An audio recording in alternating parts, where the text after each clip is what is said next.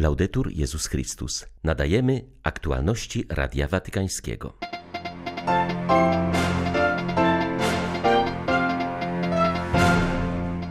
Po modlitwie Regina Celi Franciszek zaapelował o zakończenie zamieszek w Jerozolimie. Modlę się, aby było to miejsce spotkania, modlitwy i pokoju, a nie gwałtownych starć.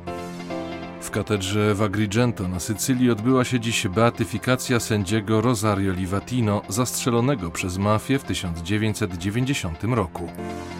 W Dniu Unii Europejskiej kardynał Jean-Claude Hollerich podkreślił, że Europa nie może zapomnieć o solidarności, zwłaszcza z najbiedniejszymi krajami, którym należy pomóc w zdobyciu szczepionki przeciwko COVID-19. 9 maja witają Państwa Łukasz Sośniak i ksiądz Krzysztof Ołdakowski. Zapraszamy na serwis informacyjny. Miłować tak, jak nas miłuje Pan, oznacza uznać osobę żyjącą obok i szanować jej wolność, kochać ją taką, jaka jest, bezinteresownie. Te słowa wypowiedział dzisiaj papież przed modlitwą Regina Celi. Franciszek zaznaczył, że w niedzielnej Ewangelii Jezus wyjaśnia, że owocem, który przynoszą osoby zjednoczone z Nim, jest właśnie miłość. Pan używa po raz kolejny czasownika trwać. Zachęca, byśmy trwali w Jego miłości, aby Jego radość zamieszkiwała w nas i żeby stawała się pełna. Ojciec Święty zwrócił uwagę, że miłość, którą daje nam Jezus, jest tą samą miłością, którą miłuje Go Ojciec, miłością czystą, bezwarunkową i bezinteresowną. Dając ją nam, Jezus traktuje nas jak przyjaciół, sprawiając, że poznajemy Ojca i włącza nas w swoją misję dla życia świata. Papież pytał, co powinniśmy uczynić, aby trwać w tej miłości. Jezus mówi: Jeśli będziecie zachowywać moje przykazania, będziecie trwać w miłości mojej. Swoje przykazania Jezus streścił w jednym jedynym, abyście się wzajemnie miłowali, tak jak ja was umiłowałem. Miłować tak, jak miłuje Jezus, to znaczy oddać się na służbę, na służbę braciom, tak jak On to uczynił, umywając uczniom nogi.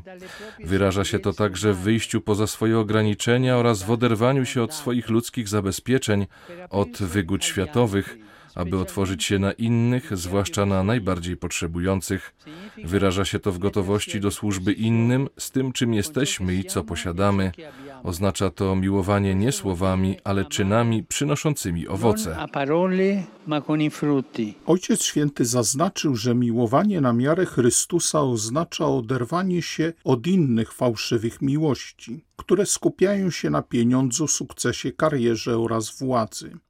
One oddalają nas od miłości Pana i prowadzą do zamknięcia we własnym egoizmie i szukaniu własnych korzyści. To nieuchronnie prowadzi do wyzyskiwania innych oraz zadawania im cierpień. Chora miłość przeradza się często w przemoc.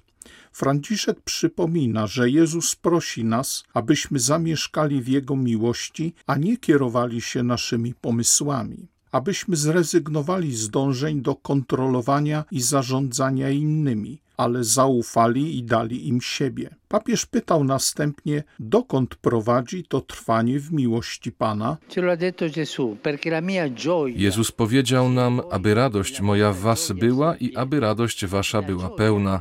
To radość, którą Pan posiada, ponieważ jest w całkowitej jedności z Ojcem, była również w nas jako zjednoczonych z Nim. Radość płynąca ze świadomości, że jesteśmy miłowani przez Boga, pomimo naszej niewierności, sprawia, że z wiarą stawiamy czoła próbom życiowym, że przechodzimy przez kryzysy, aby wyjść z nich lepszymi. To właśnie na przeżywaniu tej radości polega nasze bycie prawdziwymi świadkami, ponieważ radość jest znakiem rozpoznawczym prawdziwego chrześcijanina.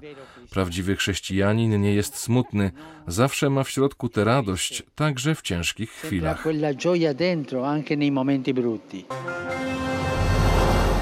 Po modlitwie Regina Celi papież przywołał bolesne wydarzenia ostatnich dni. Między innymi wyraził swoje zaniepokojenie napięciami i gwałtownymi starciami w Kolumbii, które spowodowały ofiary śmiertelne i wielu rannych. Ze szczególnym niepokojem śledzę wydarzenia, które mają miejsce w Jerozolimie. Modlę się, aby było to miejsce spotkania, modlitwy i pokoju, a nie gwałtownych starć. Zachęcam wszystkich do poszukiwania wspólnych rozwiązań, tak aby szanowana była wieloreligijna i wielokulturowa tożsamość świętego miasta i aby zwyciężyło braterstwo. Przemoc rodzi tylko przemoc, dość już tych starć. Modlimy się również za ofiary ataku terrorystycznego, który miał miejsce wczoraj w Kabulu, nieludzkiego czynu, który dotknął tak wiele młodych dziewcząt wychodzących ze szkoły. Modlimy się za każdą z nich i za ich rodziny. Niech Bóg obdarzy Afganistan pokojem. Ojciec Święty przypomniał także, że dziś w katedrze w Agrigento na Sycylii odbyła się beatyfikacja sędziego Rosario Livatino, zastrzelonego przez mafię w 1990 roku męczennika za sprawiedliwość i wiarę. Jego praca zawsze stawiała go pod opieką Boga. Z tego powodu stał się świadkiem Ewangelii aż do heroicznej śmierci.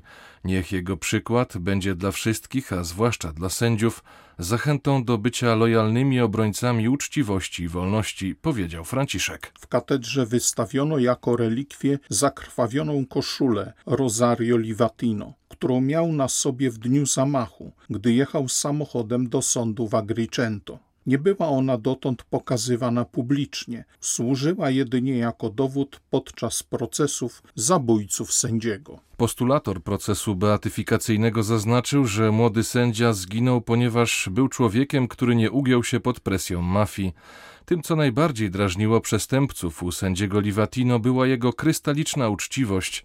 Mafiozi oczekiwali uległego sędziego, który wydaje wyroki na ich korzyść i daje się przekupić.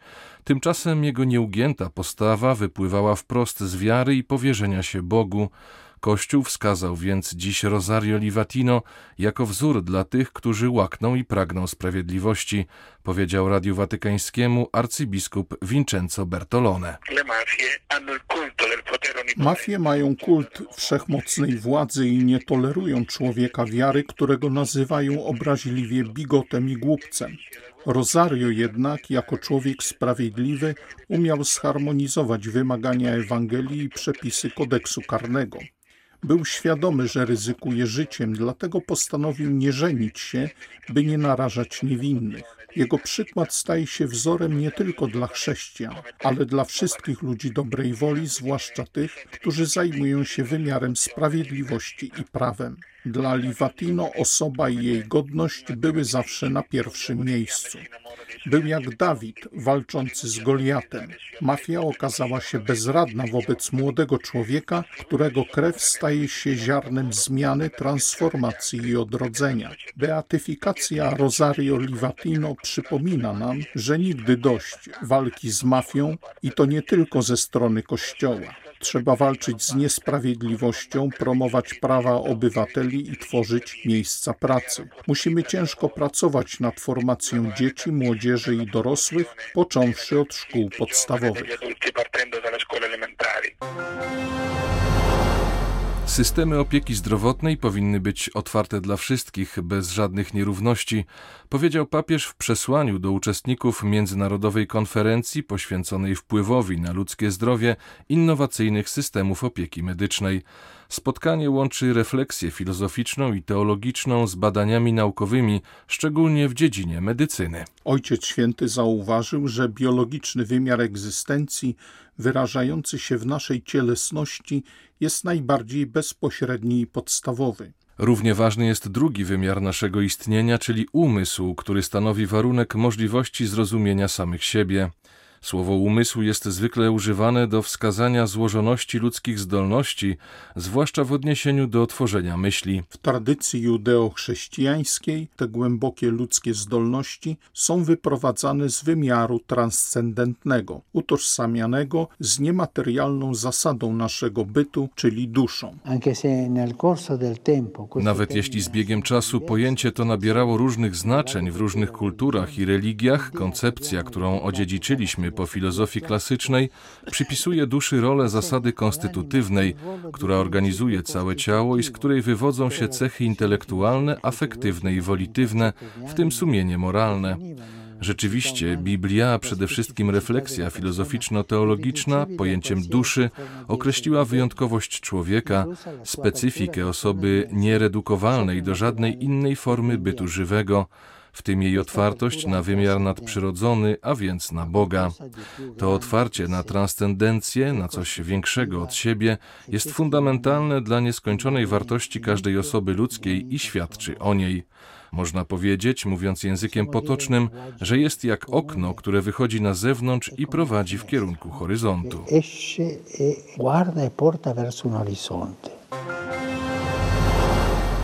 Dniu Unii Europejskiej kardynał Jean-Claude Hollerich podkreślił, że Europa nie może zapomnieć o solidarności, która obok pokoju jest jej fundamentem. Nakłada ona na całą wspólnotę obowiązek pomocy wszystkim krajom potrzebującym. Jako Europa odkryliśmy podczas obecnego kryzysu niespotykaną dotąd jedność. Trzeba ją wykorzystać do walki z pandemią, z którą wygrywa się tylko współpracując z innymi, powiedział przewodniczący Comese. Podkreślił, że pandemia jest wielkim wyzwaniem dla Unii Europejskiej, ponieważ jest nie tylko kryzysem zdrowotnym, ale także gospodarczym i społecznym. Projekt europejski działa, zawsze jednak istnieje niebezpieczeństwo, że będziemy tworzyć Europę elit, wielkich pieniędzy i gospodarki. Tymczasem musimy tworzyć także Europę dla ludzi, nie pomijać kwestii społecznych, zawsze działać razem, powiedział Radiu Watykańskiemu kardynał Hollerich. W pierwszej fazie pandemii Europa nie była obecna. Były rządy krajowe, które walczyły z pandemią, ale bez udziału Europy. Sytuacja ta uległa zmianie. Obecnie funkcjonuje pomoc gospodarcza, współpraca między lekarzami, współpraca w zakresie szczepionek. W walce z pandemią obecna jest cała Europa. Mam nadzieję, że my, którzy otrzymaliśmy pomoc, nie zamkniemy naszych rąk, nie zatrzymamy wszystkiego dla siebie, ale podzielimy się z najbiedniejszymi krajami, z tymi, które są teraz najbardziej dotknięte przez COVID-19. A zatem konieczny jest nam duch pomocy, duch solidarności, także w sprawiedliwej dystrybucji szczepionek, ponieważ pandemii nie da się pokonać tylko na jednym kontynencie. Kościele w Niemczech trwa spór o błogosławienie związków homoseksualnych. Powodem jest ogólnoniemiecka akcja zapowiedziana na poniedziałek 10 maja, która jest bezpośrednią odpowiedzią na watykańskie responsum.